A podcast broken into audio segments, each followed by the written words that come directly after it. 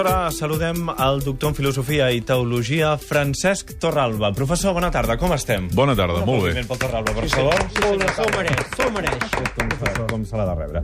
Aquesta setmana, amb el professor Torralba, ens preguntem, ens hem tornat indiferents? Ens hem tornat indiferents, sobretot davant de la llau de notícies que ens ofereix l'actualitat cada dia. Pell no morta. les podem digerir, Pell moltes morta, vegades sí, senyor. no, no, no les podem digerir. I el que ens ha fet pensar i reflexionar sobre la indiferència respecte a casos flagrants que tenim davant dels morros moltes vegades és una imatge, una fotografia que vèiem la setmana passada, aquesta fotografia de la tanca de Melilla, feta per un activista, José Palazón, de l'entitat Prodein de Melilla. És aquesta imatge de la tanca amb els immigrants intentant saltar-la i un camp de golf on dues persones jugaven tranquil·lament amb una gespa immaculada, verda, fantàstica, a escassos metres de la tanca.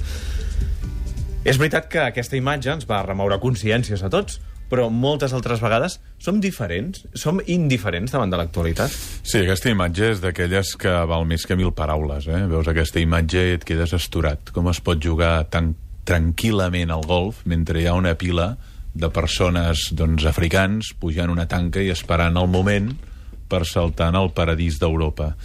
Com aquestes n'hi ha d'altres, i hem de felicitar els fotògrafs que ens fan aquestes imatges que de cop ens acceleren el cor i ens preguntem si som monstres o som ciutadans. No? Mirem aquestes imatges, passem pàgina i demà serà un altre dia. Llavors jo crec que sí, que està creixent la indiferència de manera molt preocupant, però creix de vegades com un mecanisme de defensa. És a dir, hi ha tantes informacions tràgiques no? que l'estómac no les acaba de digerir, no les processa, i llavors, com un mecanisme de defensa, les posa en una àrea on no recorda i va consumint noves notícies també tan tràgiques. No? Això ha passat també amb l'èbola. Fixeu-vos, el món donava voltes, el món informatiu a Catalunya i al conjunt d'Espanya, al tema de l'èbola perquè una senyora queda infectada titulars dedicats a un gos titulars dedicats a un gos, amb tot el respecte als animals, eh?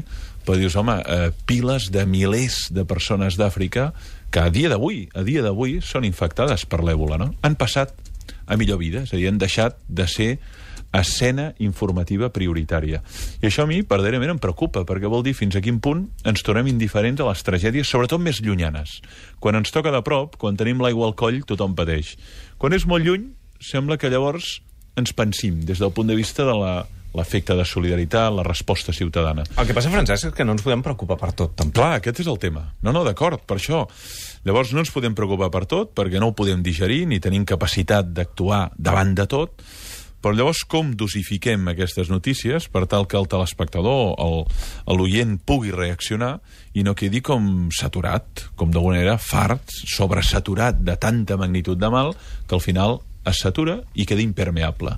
I això està passant. És el que en diem el telespectador paquiderm o l'oient paquiderm. Però no només són dura. coses per uh, televisió, no? També anem No, no, pel i carrer tant, i veiem i tant, i sense tant. sostre, veiem que gent prop de casa nostra passa fam, i això sí que passa prop de casa, i seguim sense fer res. I no és un informatiu qui tria què ens ensenya i què no. Correcte.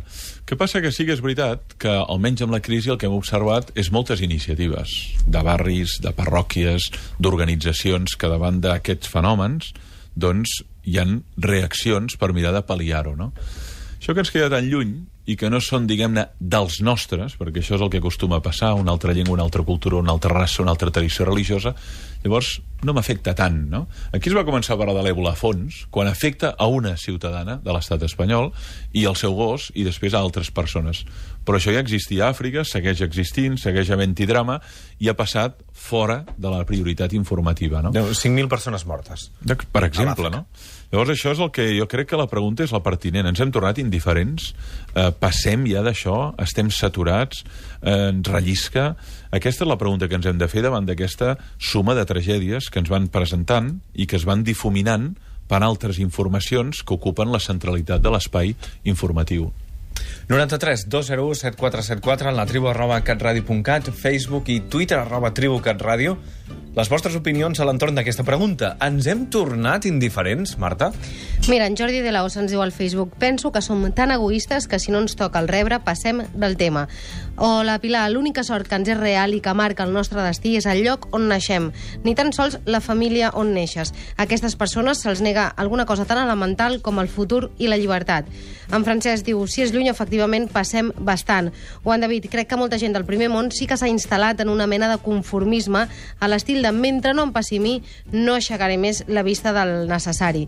I en canvi l'Olga diu, no podem patir per tot, i menys ara que sabem el que passa a tot el món. Al final no mirem les notícies. I són els governadors que s'han de preocupar per temes internacionals.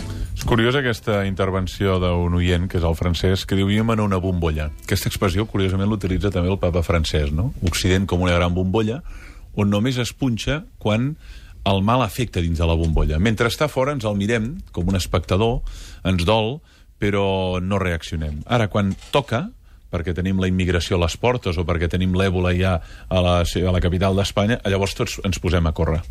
El papa Francesc, en un acte aquest setembre passat en commemoració de les víctimes de la Primera Guerra Mundial, va dir que avui es podria parlar d'una tercera guerra mundial que es desenvolupa per parts a través de crims, de massacres i de destruccions i va demanar als fidels que plorin. És a dir, va dir ell, que reaccionin davant del belicisme i que abandonin la postura de Caïm, que després d'assassinar Abel no va vessar cap llàgrima. O sigui, el primer pas és eh, ser empàtic, és a dir, mm, sentir. Sentir-ho. Això ho va dir en el famós homilia de Lampedusa, no? en aquella illa barrotada d'immigrants il·legals al sud d'Itàlia, que diu hem plorat per aquests immigrants que moren intentant atravessar la Mediterrània cap a casa nostra, o hi ha ni tan sols ens accelera el cor, ni tan sols ens cau una llàgrima davant d'això. Hi ha altres líders espirituals del món que també fan la mateixa reflexió i que, per tant, s'ha de subratllar. Però és veritat, si no et sents empàticament proper, no t'afecta i, per tant, tampoc prens mesures per mirar de pal·liar aquesta situació. Per tant, el primer és sentir-se proper a la persona que està vivint això indistintament de la llengua, raça, tradició, color de pell que tingui, no? Allò que t'uneix és més profund que allò que et separa.